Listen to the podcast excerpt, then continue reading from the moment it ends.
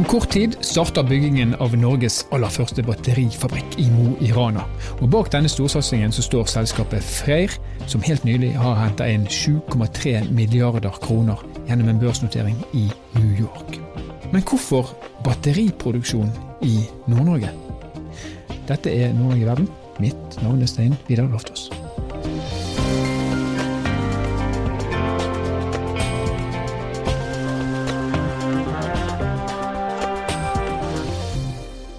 Og Nå har vi med oss eh, på telefonen Torstein Dale Skjøtvedt. Han er grunnlegger og han er arbeidende styreformann i selskapet Freyr. Hjertelig velkommen til oss, eh, Torstein. Takk skal du ha, Stein. Veldig hyggelig. Du, det er to år siden, eh, i hvert fall for min del, så det er to år siden første gang jeg hørte om Freyr. Og jeg husker at da var det mange som var litt sånn, eh, jeg skal ikke si hoderystende, men som kanskje syntes at dette høres ut som veldig grandiose planer. Men det har skjedd mye på de to årene. Hvor står, eh, hvor står dere nå? Ja, I realiteten så begynte vi dette prosjektet litt over, for litt over tre år siden. Og, og det var mange som syntes at det, var litt, det hørtes litt for godt ut til å være sant, og det er jo ikke så vanskelig å forstå. 2500 jobber og 30 milliarder investering, det høres jo ut som en drøm. og Det var veldig stort, men det ble jo lansert i Sverige i, eh, i, med Northvolt.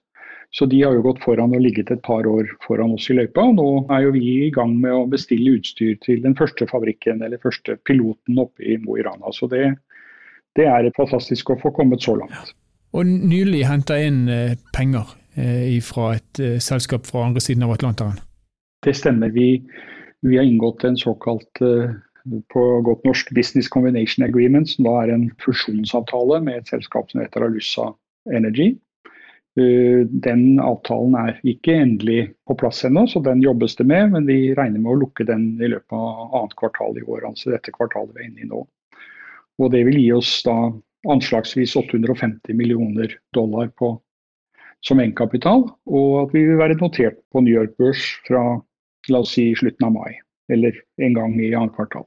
Så det er jo også fantastisk, men det viser jo hvordan markedet vurderer uh, det forretningskonseptet å produsere battericeller. Det er veldig interessant fordi markedet skriker etter celler, og det er veldig stor etterspørsel etter det. Og i tillegg å produsere det i Norge med fornybar kraft, det var veldig interessant for svært mange investorer. Og Der er det bærekraftsperspektivet som spiller inn, naturligvis. Men forklar lytterne våre, hvorfor er det i det hele tatt mulig å tenke at man skal drive produksjon av batterier i Mo i Rana, som er med respekt å melde et godt stykke under verden? Ja, nå er det altså sånn at 90-95 eh, av de batteriene som Europa og USA bruker i dag, de kommer fra Kina. Sånn at eh, det er jo veldig mye kortere fra Mo i Rana til markedene i Europa enn det er fra Kina til markedene i Europa. Så, så avstanden den eh, er jo veldig lite, altså en, en, liten faktor oppi dette. Hvis du setter deg på toget og kjører eh, i, i den farten du kan til mellom Mo i Rana og markedene i Tyskland f.eks., så, så er du der i løpet av 24 timer i hvert fall. Litt avhengig av hvor, hvor, raske togskiftene blir. Men det er i hvert fall ikke noe, ikke noe avstand som, som, betyr veldig mye. Det som har betydd mye for oss i forhold til Mo i Rana, er jo den industrielle DNA-et som ligger i, i Rana-samfunnet. Det veldig sterke drivet som var fra både kommunepolitikere og industrien for øvrig om å ønske oss velkommen. Og det at det er et stort overskudd av fornybar kraft i regionen, som gjør at vi er sikra langsiktige, relativt lave energipriser. Ja. Og Hva er kostnadselementene når man snakker om å produsere batterier? Strøm er selvfølgelig en av de, men hva er det ellers som koster penger når man skal produsere eh, disse her battericellene? Råvaresiden er veldig kostbar, så kanskje litt avhengig av hvilke type batterier du produserer. men la oss si i hvert fall 60-80% av kostnaden på et batteri er knyttet til selve råvarene, altså litium og kobolt og nikkel og andre, andre innsatsfaktorer. Og så er det de tre andre faktorene er selvfølgelig kapitalkostnad og, og strøm og bemanning. Ja. Men når råvarene er en så stor del av prisen, og du har allerede redegjort for at strømmen er rimelig og ren, så er selve arbeidet som kreves, altså timene som legges ned og det som må betales arbeiderne, det er da ikke en utslagsgivende del av dette regnestykket. og Det er kanskje det som gjør at det er mulig å konkurrere med, med Kina som et tradisjonelt lavkostland? da? Ja, Enkelt forklart så kan du si det som for meg som da har jobbet i industrien i 40 år, så ser bildet enda bedre ut. da. Fordi at en fabrikk som vi bygger i Mo i Rana, den tror vi kanskje kommer til å ha 70% av bemanningen av det man ville hatt på samme fabrikken i Kina. Fordi Norge har en veldig velutvikla, veldig velutdanna arbeidsstokk. Veldig høykompetent. Og det gjør at du, du kan anta at vi har rett og slett har en lavere bemanning. Hvis du sammenligner den bemanningen som jeg har jobbet i Norsk Hydro i 27 år og hatt ansvaret for oppstrøms aluminium. Og i en typisk fabrikk på 300 000 tonn eh, i årskapasitet i, i, i, Hydro, så hadde vi kanskje en bemanning på 600-800 mennesker. Den samme fabrikken bygd i Kina vil ha en bemanning på mellom 1000 og 1200-1300. Sånn at Det er en veldig viktig komponent. Den andre viktige komponenten som du kan tenke deg når du har høye råvarekostnader, det er å ha lite skrap, altså lite feilproduksjon. Og Der har også Norge veldig høy kompetanse på, gjennom bl.a. aluminiumsindustrien på å produsere aluminium på veldig, veldig høy kvalitetsnivå. Så De to elementene spiller også inn og gjør at vi tror at en produksjon i Norge vil være eh, faktisk være mer lønnsomt enn en produksjon i Kina. Og Når det gjelder selve teknologien, fordi man hører jo om at det er en rivende utvikling når det gjelder batterier. Eh, og, Det er selvfølgelig helt nødvendig også når man etter hvert skal, kanskje skal begynne å ha batteridrevne fly og osv.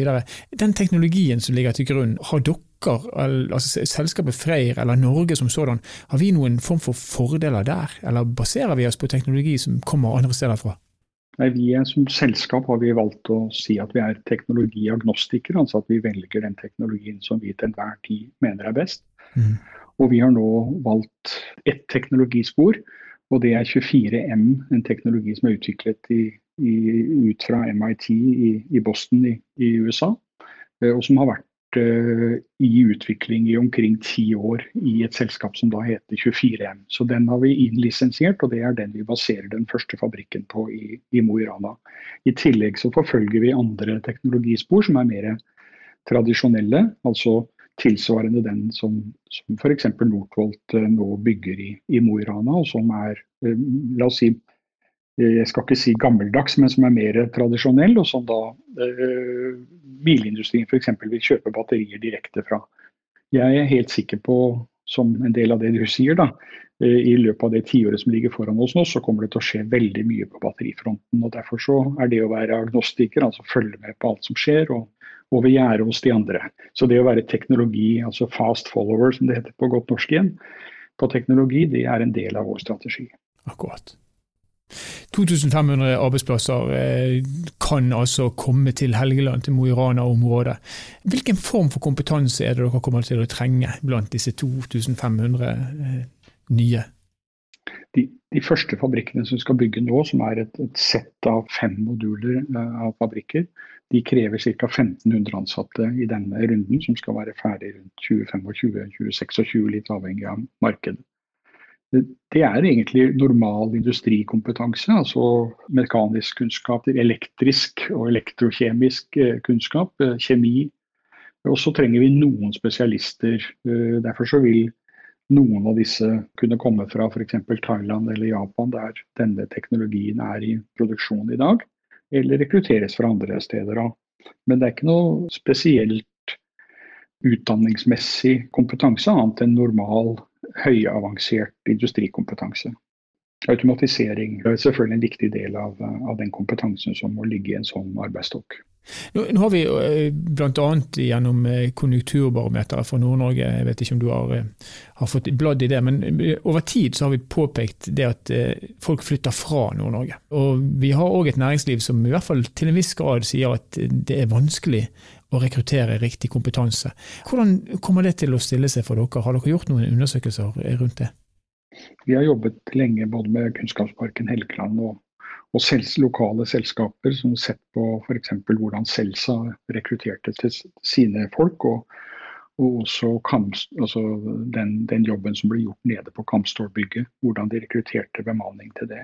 Så vi føler oss trygge på at uh, det å være med på å å arbeide i Norges fremtidige industri og en så grønn industri som batteri vil være, er veldig spennende. Men også skal vi bygge opp den arbeidsstokken over relativ tid, slik at vi skal ha inn eh, la oss si borti 30-40-50 mennesker i løpet av dette året inn mot fabrikken oppe i Mo i Rana.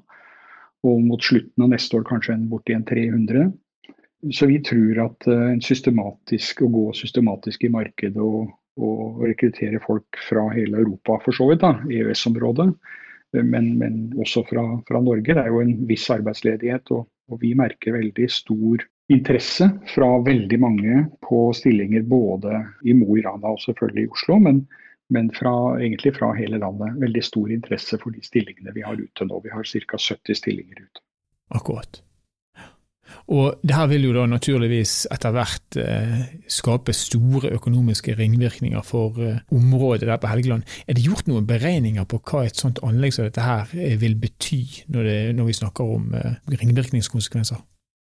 Det er gjort en analyse fra kommunen som, som vi ikke har gjort, men som, som, kommunen har gjort. og Da har de sett på 1500 eh, arbeidsplasser fra Frøyer pluss hovedflyplass som basis, som direkte arbeidsplasser. Og når de summerer alt det, så utgjør det ca. 12 000 nye innbyggere på Helgeland. Altså det blir jo Mo i Rana og la oss si nærområdene innenfor en times kjøring eller så. Så det er jo veldig stor det er veldig stor betydning i forhold til akkurat den problemstillingen rundt fraflytting. Og, og selve den situasjonen som du beskriver i, i Nordland og i, og i, Rana og for så vidt ja, i hele Nord-Norge, den er jo også noe av det som har sikkert vært motiverende for de som f.eks. satt i Mo industripark da vi kom der første gangen 29.1.2018. Og veldig motiverende for dem til å si at vi ønsker ny industri og, og vi ønsker det velkommen. og Det er veldig høyt på agendaen vår. Så så det har jo vært et veldig fruktbart samarbeid både med Mo industripark, men også med veldig mange andre, inklusiv kommunen selvfølgelig. Og Kommunen har gått inn eh, med penger i dette prosjektet. og Du forteller jo her om en kommune som har vist betydelig interesse for å få dere dit, og en næringspark som har vist interesse for det. Hvor viktig er lokal tilknytning og lokalt eierskap for dere? Det var jo veldig viktig i fjor vinter. Da, vi, da inviterte vi til den forrige penge, altså kapitalinnhentingen. Da fikk vi inn kanskje 50 millioner lokalt fra Bodø og, og Nordlandsregionen. Uh, og vi reiste til, til sammen 130 millioner uh, i, i, fjor vår. Da. Og da var det jo veldig mange lokalt som var veldig interessert, og som selvfølgelig også har hatt en veldig fin reise på verdien av, av aksjene våre. De har jo gått fra halvannen krone til nå det var vel 13,5 kroner i dag. Og Da er det jo nærliggende å spørre deg eh, om det, for du er jo selvfølgelig en vesentlig stor aksjonær selv i dette her, og dine aksjer har steget betydelig i verdi. og Vi hører jo på dialekten din, eh, hvis ikke jeg tar helt feil, så er du i hvert fall ikke fra, fra Mo i Rana. Er du inne i dette her eh, på lang sikt, eller tenker du at du skal ta gevinst og etter hvert trekke det tilbake? Nei, på ingen måte dette, dette, skal jeg være med på så lenge jeg får lov. Ja. Så det, det, er helt sikkert. Og vi, det er selvfølgelig også sånn at uh, som store eiere og styreleder, så, så er, er, jo investor, investorene svært lite glad for at man, hvis man skulle finne på å selge ut aksjer. Så, så det står ikke på agendaen vår i det hele tatt. Men det er ikke aktuelt for deg å flytte til Nord-Norge? Ja, i visse perioder så vil i hvert fall familien min si at jeg var mer i Nord-Norge enn jeg var på Vekstua. i hvert fall. Akkurat nå har jo korona gjort at vi har gjort veldig mye, og det har jo vært en, en, en, veldig vanskelig situasjon selvfølgelig. Men for oss som selskap så har jo det også gjort at vi har fått veldig god trening på digitale verktøy. og, og, og det kommer helt sikkert til å endre måten vi jobber på framover også. Så det har fungert bra for oss i den fasen vi er i nå. Ja, det tror jeg du har helt rett i. Så kan jeg legge til for, eget, for egen regning da, at uh, hvis man først flytter til Nord-Norge, så er det vanskelig å komme seg vekk igjen. Altså, frivillig for all del. Så uh, ja. Du, uh, helt til slutt, Når starter dere produksjonen opp sånn som planen er nå? Jeg, ja, jeg, vet, jeg, vet, når planen er. Vi er jo da et børsnotert selskap, sånn at jeg må bare være helt sikker på at det jeg sier er riktig. Så jeg, jeg tror vi må si annet trekvartal neste år, så skal vi så er planen å ha den eh, pilotproduksjonen i gang, som vi har fått også støtte til fra, fra Enova og Innovasjon Norge. Så den eh, planlegger vi å starte i la oss si tredje kvartal forhåpentligvis tidlig i tredje kvartal. Og ikke skal ikke jeg friste deg til å, til å, si noe som vil gå på tvers med børsplikten din, jeg vet veldig godt hvordan det er, men hvis jeg ber deg allikevel om å, å være litt spåmann, når kjører den første bilen rundt i, på veiene i Norge med batterier fra Freyr? Ja, det var et veldig spennende spørsmål. Det, vi, vi, har jo på en måte fokusert på å produsere batterier, ikke akkurat tenkt på når den første elbilen i Norge skal kjøre med med, men jeg håper da at det blir i 25. 2025. Veldig veldig spennende å høre om planene deres. Utrolig artig at eh, det satses tungt i eh, vår landsdel. Tusen takk for at eh, du hadde tid til å være med oss, Torstein Dale Skjøtvedt, som er da arbeidende styreformann og grunnlegger av Freyr. Tusen takk skal du ha for at jeg fikk lov å komme og snakke om Freyr. Ha en flott dag.